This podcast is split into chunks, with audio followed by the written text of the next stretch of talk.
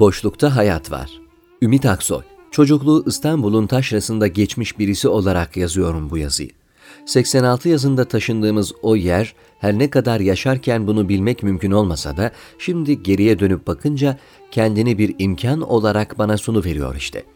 O kadar ki Heidegger'e düşünmeye, bu düşünmenin mekanla ilişkisi üzerine dair bir yazıya başladığınızda geçmişin hatıra olmayan, sizi yormayan ender anlarından bir anlam gelip oturuveriyor şu yazının başına. Boşlukta hayat var.''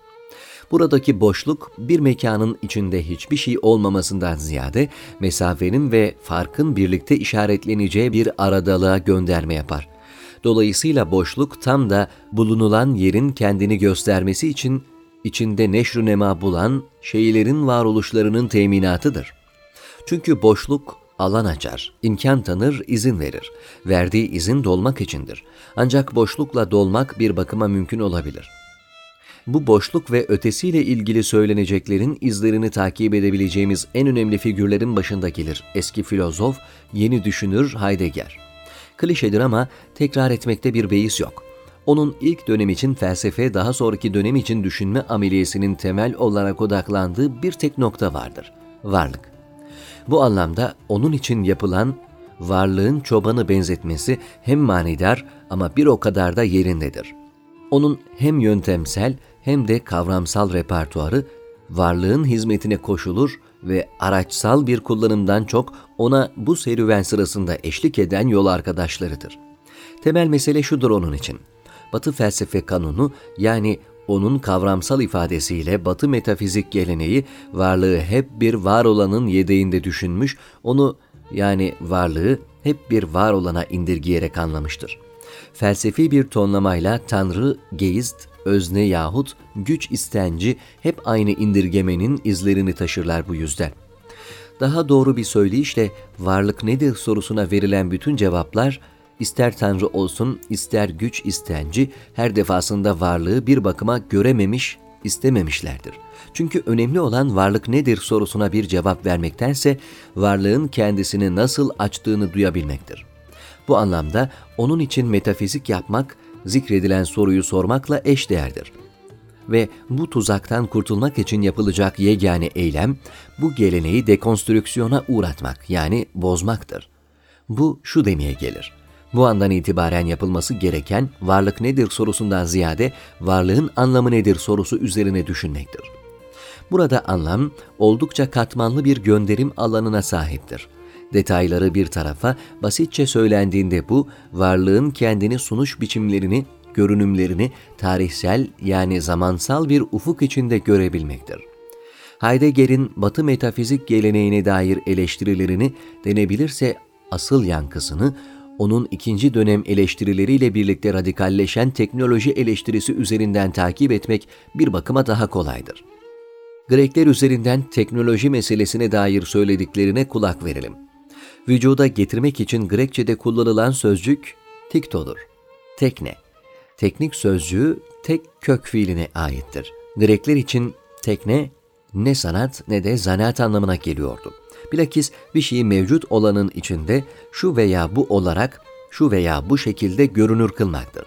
Grekler tekneyi vücuda getirmeyi, görünmeye bırakma, belirmesini sağlama olarak anlarlar. Bu şekilde anlaşılan tekne eski zamanlardan beri mimarinin katmanları, tektoni arasında gizil olarak bulunur. Heidegger basitçe şunu söyler. Tekneyi insani bir oluş anlamında yapma, eylem olarak düşünürsek yanılırız. Daha doğru bir deyişle tekne, modern anlamıyla sanat ya da zanaat demek değildir. Çünkü buradaki merkezi nokta teknenin insanın kendi elinden çıkan bir faaliyete gönderme yapmamasıdır. Tekne öyle bir açılıştır ki Grekler için o andan itibaren o açılışla şeyler görünür hale gelir. Görünmeye bırakılırlar. Görünmeye bırakmak, görünür hale gelenin kendi kendisini göstermesi için gerekli olan hale açığa çıkarmaktan başka bir şey değildir. Dolayısıyla burada insanın şeyleri teknoloji eliyle olduğu gibi zorla görünür hale getirmesinden çok, insanın aracılık ettiği fakat şeylerin kendilerini görünür kıldıkları bir durum vardır karşımızda. Hal böyle olunca modern teknolojik yapıp etmelerin teknoloji kelimesine kaynaklık eden şeyleri görünür hale bırakma ameliyesiyle arasındaki mesafe, içinde bulunduğumuz kesafet çağının da bir ifadesidir. Çünkü teknoloji iyi ya da kötü her şeyden önce görünür hale bırakmaktan çok doğayı bir şeylere zorlama, doğaya doğasına uygun olmayan bir şekilde müdahalede bulunarak hareket eder.'' doğaya teknolojik açılış, hesap eden, sorguya çeken, talep eden ama daha önemlisi açığa çıkarma anlamındaki eylemi özne olarak insana atfeden bir kabule dayanır. Şeylerin kendilerini gösterebileceği yere bırakmakla zora koşarak doğadan hep daha fazlasını istemek arasındaki fark, içinde bulunduğumuz karmaşıklığın yekûnudur bir bakıma. Kabaca böyle özetlenebilecek felsefi çabasına paralel olarak Heidegger, her günkü yaşamını sürdürdüğü ve temelde teknolojik bir belirlenimle kendini işaretleyen mekanın, şehrin katılığı ve akışkansızlığından nefes almak için kendisine bir kulübe yapar. Yoksa görünmeye bırakır mı demeliydik. Heidegger'in kulübesi olarak felsefe tarihine geçen bu mekan, yeterince kesif bir hal alan ortalama şehir hayatının dışına bir uzanıştır. Bu anlamıyla Adam Sher'in haklı olarak söylediği gibi kulübe mimari olduğu kadar felsefi bir olaydır da aynı zamanda. Denilebilir ki bu küçük mekan Heidegger'in düşünsel serüvenine eşlik eder. Daha doğru bir söyleyişle Heidegger'in katmanlı ve giderek radikalleşen düşünsel serüveninin meydana geldiği yer bu kulübedir. Kulübe bir yandan bu değişime şahitlik eder, bir yandan da ona ev sahipliği yapar.'' Bu anlamda köylülerin çağırdığı şekliyle profesörün felsefi, düşünsel çabasıyla şu kara orman dağlarının yükseklerinde Totnauberg'de görünür olan bu kulübe arasında derin bir birliktelik vardır. Kulübe, Heidegger'in giderek sertleşen batı metafiziğini yıkma projesinin ne türden bir faaliyet olduğu noktasında ona oldukça önemli bir açıklık sunar ya da düşünürü o açıklığa taşır. Başka bir söyleyişle kulübe değişimin bir ucundan tutar ona eşlik eder. Çünkü Heidegger'in düşünme çabasının uzanmak istediği varlık ve onun dolayımladığı sadelik biraz da bu kulübenin sadeliğinde gizlidir. Burası bir gözlemcinin, bir konuk ya da yaz tatilcisinin gözünden benim çalışma dünyamdır. Doğrusunu söylemek gerekirse şahsen ben asla kır manzarasını gözlemlemiyorum. Mevsimlerin muazzam geliş ve gidişlerinde gündüz ve gece her saat başı bu manzaraların değişimlerini yaşıyorum.'' dağların cazibesi ve kayaların tarih öncesi devirlerden kalma sertliği, köknar ağaçlarının yavaş ve muntazam gelişmeleri. Bunların hepsi günlük yaşamın içine akar ve içine işler. Ancak bu yapay empatinin ya da estetik dalmışlığın zoraki alanlarında değil de sadece varoluşumuzun kendi çalışmasında sürüp gittiği zamanlarda olur. Gerçekliğin kendisi olan bu dağlara yer açan sadece bu çalışmadır.'' Bu çalışmanın seyri bölgede olup biten şeylere gömülü kalır. Şöyle der Heidegger, burası benim evim. Ben bu mekana kök salmış durumdayım ve bu kulübede buraya dışarıdan bakanların yakıştırdığı bir estetik zevk alış yok. Benim burada yürüttüğüm faaliyet, yani düşünsel bir faaliyet olarak bir şeyi dile getirmek, köknar ağaçlarının fırtınaya karşı direnmelerinden farksızdır. Farklı bir söyleyişle onun düşünürün mekana açılışı yapay yahut eklenti olmaktan ziyade ilkesel ve temel bir anlama haizdir. O burada düşünür ve buralıdır. Manzara yani bakılan bir yer olarak kulübenin penceresinden görünen şey bir resim değil, gerçek bir durumdur. Daha doğru bir ifadeyle pencerenin sunduğu bir manzara yoktur. Çünkü içeride masanın başında yapılan düşünsel faaliyetle dışarıda köylülerin yaptıkları arasında bir fark bulunmaz. Ve bu felsefi çalışma bazı eksantriklerin mesafeli incelemeleriyle aynı rotayı incelemez. Tam da köylülerin çalışmasının ortasında yer alır. İşim köylülerin yaşamına derinlemesine kök salmış ve bu yaşamla yakından ilişkilidir. Bir şehirli, sözüm ona bu türden bir kırsalda kalmakla en fazla canlıdır.'' Oysa benim bütün çalışmalarımı sürdüren ve yön veren bu dağların dünyası ve insanlardır. Bu anlamıyla tekrar tekrar vurgulanması gereken nokta Heidegger'in kendisine ve kulübeye dışarıdan olan bakışın ne anlama geldiğinin fazlasıyla farkında olduğudur. Bu durumsa düşünürün sakini olduğu kulübeyle köylülerin hayatlarıyla birlikte var olduğunu, dolayısıyla burada hep beraber varlığın şarkısına eşlik ettiklerini ama en önemlisi dışarıdaki bakışın bu olan biteni anlamadığını vurgular felsefi bir spekülasyonla ifade edecek olursak, kendisine bir manzara olarak bakılınca yakıştırılan ve estetik dalmışlık olarak ifade edilen kulübedeki düşünür portresiyle onun düşünsel çabası arasındaki mesafe, Heidegger'in hem varlıkla ilgili düşüncesinin hem de bizatihi düşünürün kendi sınırlılığının doğru bir şekilde anlaşılmasına paralel bir durum arz eder. Başka bir ifadeyle düşünmek, varlığın kendisini açmazına izin verecek bir hale gelmekse, bu şehrin doluluğundan çok kulübenin inşa edildiği boşlukta mümkündür. Bu vulgarize bir edayla şehirde düşünmenin imkanları yoktur demekten ziyade varlığın kendisini gizleyerek sunmasından yani varlığın açılışından dolayı böyledir. Gelelim kulübenin boşlukla ilişkisine.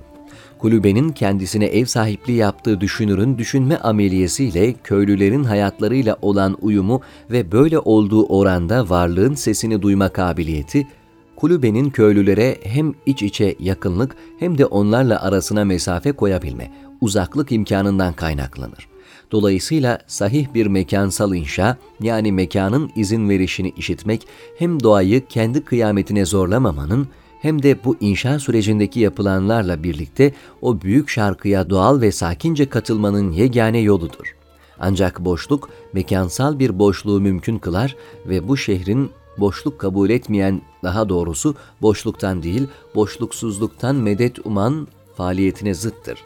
Boşluk, örneğin bir evin yegane koşuludur. Ama bu evin ilgili mekanı basitçe bir boşluğu doldurmasından çok, o boşluğun izin verişini işiterek ve ona uygun hareket etmesiyle ilgilidir. Öte yandan bu ifadeler felsefi bir pozdan ziyade Heidegger'in köylülerin hayatlarında gördüğü basit ihtişamın düşünsel bir boyutunu içerir yalnızca. Ve düşünür bunun yani boşluktan türeyen bir mekansal inşanın ve idrakin boşluğa izin vermeyen bütün her şeyi çoktan planlanmış, başı sonu belli düşünme ve mimari kavrayışın zıttı olduğunu bilir.'' Bu türden bir çevreyi kullanma pratiği ise varlığın sesinin temelde sessizlikten kaynaklandığının farkındadır. Onu işitir ve öylece inşa eder. Yani var olur. İşte yukarıda yani kara ormanlardaki oluş, varlıkların şarkısına eşlik ediş, aşağıda yani üniversitede olmayandır. Heidegger bu züppelik mekanlarındaki sözde tartışmalara dayanamaz ve kendini sürekli olarak kulübeye atar. Üniversite araçsal hesaplayıcı, salt teknik örgütlenmenin mekanı olduğu oranda hem buram buram züppelik hem de daha önemlisi de budur, yaptığı faaliyetlerle farkında olmadan köylülerin taşrada duydukları varlığın sesine kulaklarını kapatır. Bir anlamda Heidegger'in 1933'teki ünlü rektörlük konuşmasında Prometheus'un şahsında insanın kendini öne sürüşüne karşı yaptığı sert uyarı ve düşmanlık bir rektör olarak onun üniversitenin içinde bulunduğu durumdan rahatsızlığının net bir ifadesidir. Çünkü Heidegger için üniversite, bilimin, teknolojinin her şeyi önceden hesaplamaya muktedir olduğu vehmine kapılan aklın yani hümanizmin bir tezahürüdür. Çünkü hümanizm temelde bir metafiziktir ve kaynağı da animal rationale dayanır. Yani varlığın sesine kulak vermez. Kendi bildiğini duyar. Anlayamadığı, kavrayamadığı ve nihayet hükmedemediğiyle temas edemez. Onun için asıl olan varlığın şarkısını işitmek ve katılmak değil, kendi türküsünü çağırmaktır. Bu anlamda felsefe ve onun somut tezahürü olan yozlaşmış bir kurumsallık olarak üniversite bir şer yuvasıdır. Orada düşünmek yoktur ve kara ormanlardaki şu küçük kulübe Heidegger için o şarkının işitilebileceği bir imkan sunar bu felsefenin tarihsel misyonunun bitişini ve düşünmenin başladığını daha doğru bir ifadeyle düşünmenin eski haline dönmeyi ifade eder. Bu dönüş odağına varlığı alır, düşünmek ancak olmaya bırakarak varlığa eşlik edebilir. Olmaya bırakmak bir anlamda insanın kendisini merkezden çekmesi, varlığın açıklarını duyarak ona uygun bir cevap olarak kendisini sunmasıdır.'' O küçük kulübede olan üniversitenin karanlık dehlizlerinde olmayanı varlığın sesini duyma imkanıdır. İşitilebilecek yegane ses varlığın sessiz sesidir. Geçenlerde Berlin Üniversitesi'nde ders vermem için ikinci bir davet aldım. Bunun üzerine Freiburg'u terk ettim ve kulübemde inzivaya çekildim. Dağların, ormanların ve çiftlik topraklarının neler söylediklerini dinledim ve 75 yaşında yaşlı bir çiftçi olan eski bir arkadaşımı görmeye gittim. Benim Berlin'e çağrılışımı gazetelerden okumuş. Acaba bana ne diyecekti? Tek kelime etmeden o berrak gözlerinin emin bakışını benimkilerin üzerine dikti ve nazik bir şekilde o dostane elini omzuma koydu. Öylesine yavaşça kafasını iki yana salladı ki bu şu anlama geliyordu. Kesinlikle hayır. İlgili alıntı niçin taşrada kalıyorum başlığını taşıyan, mütevazı ama gücünü de buradan alan tıpkı kulübe gibi bir metnin son paragrafıdır. Dolayısıyla burada Heidegger'in taşrayı, dolayısıyla da kulübeyi nasıl gördüğünü ama daha önemlisi üniversiteyi bütün bütün reddettiğini aşağıdakilere duyurduğu bir cevap. Bir sesleniştir. Taşrayı var kılan boşluk ya da boşluklu halidir ve varlığın sesine kulak verme imkanını taşır. Şu yaşlı arkadaş bütün hırpani ve doğal edasıyla sessizliğin içinden Heidegger'e ne yapması gerektiğini iletebilmiştir. İşte bu sessizliğin sesindeki iletkenlik, modern şehir tasarımının her yeri kaplayan doluluğunda mümkün olmayan farktır tam olarak. O halde tam da şimdi Wim Wenders'ın Paris, Teksas'taki meczubunu çağırmanın vaktidir. Hepiniz bebek petlerinizden yakalanacaksınız. Size yemin ediyorum. Annemin üzerine yemin ediyorum. Bugün tam burada annemin başında Tanrı'nın yemyeşil dünyasında dikilmiş yemin ediyorum. Kanalizasyonun içinde doğmamış herkes iliklerine kadar bilsin, anlasın. Size yatağınızda uyuyorken saldıracaklar. Sizi evlerinizden alıp kaçıracaklar. Sizi güzel spor arabalarınızdan çıkarıp alacaklar. Hiç kaçarı yok. Bu lanet olası vadide kaçacak yer yok. Burada avazım çıktığı kadar bağırıyorum. Muhave çölüne, daha da ötesine. Bestrov'un ötesine sesleniyorum. Arizona'ya kadar bütün vadiye. Buralarda hiçbir yer güvenli olmayacak. Güvenli hiçbir yer kalmayacak. Güvenli bölgelerin yok olacağını garanti ediyorum. Mahvolacaklar. Hepiniz dönüşü olmayan topraklara sürgün edileceksiniz. Hiçbir yere gidemeyeceksiniz. Bunun eğlenceli olacağını sanıyorsanız bir şey daha söyleyelim. Ben bir tükürük hokkası olabilirim ama inanın ben ne dediğimi biliyorum. Ben deli değilim. Uyarmadı demeyin. Uyardım sizi. Hepinizi uyardım. Hepinizi uyardım. Ben deli değilim. Bu söylediklerim yakında çıkacak. Ünlü Der Spiegel mülakatında şimdi artık felsefenin yerini ne ya da kim alacak sorusuna sibernetlik cevabını vermişti Heidegger. Böyle demiş ve eklemişti. Bizi yalnızca bir tanrı kurtarabilir. Felsefenin öldüğünü, yapılacak yegane eylemin eski Yunan'a geri dönmek olduğunu, düşünmeyle şiirin birbirinden kopmadığı zamanları hatırlamak gerektiğini söyleyen yaşlı adamın kendi medeniyetini içerden sorgulayan, sözün bittiği yere işaret ettiği yerle Wenders'ın meczubunun çığlığı aynı kaynaktan gelir ve onları duyabilecek kalplere değer ve gider ve yok olur. Şimdi geriye dönüp baktığımda o zamanlar adını söylemekten utandığım şu yerin Harami Dere'nin ismiyle mütemma tenhalığında, boşluğunda büyümüş olmanın bu çığlıkları duyabilmek için elbette bir lütuf olarak beni içten içe nasıl hazırladığını daha iyi işitiyorum. Ve bu hiç şüphesiz dünyanın yapıldığı malzemenin ne olduğunu haykıran meczupla onu varlığın sesi olarak duymaya çalışan düşünürün boşlukla kurduğu ilişkiden kaynaklanıyor. Beni onlara yakın kılan galiba bir boşluktan seslenmeleri. O yüzden tekrarda bir beyiz olmasa gerek. Boşlukta hayat var.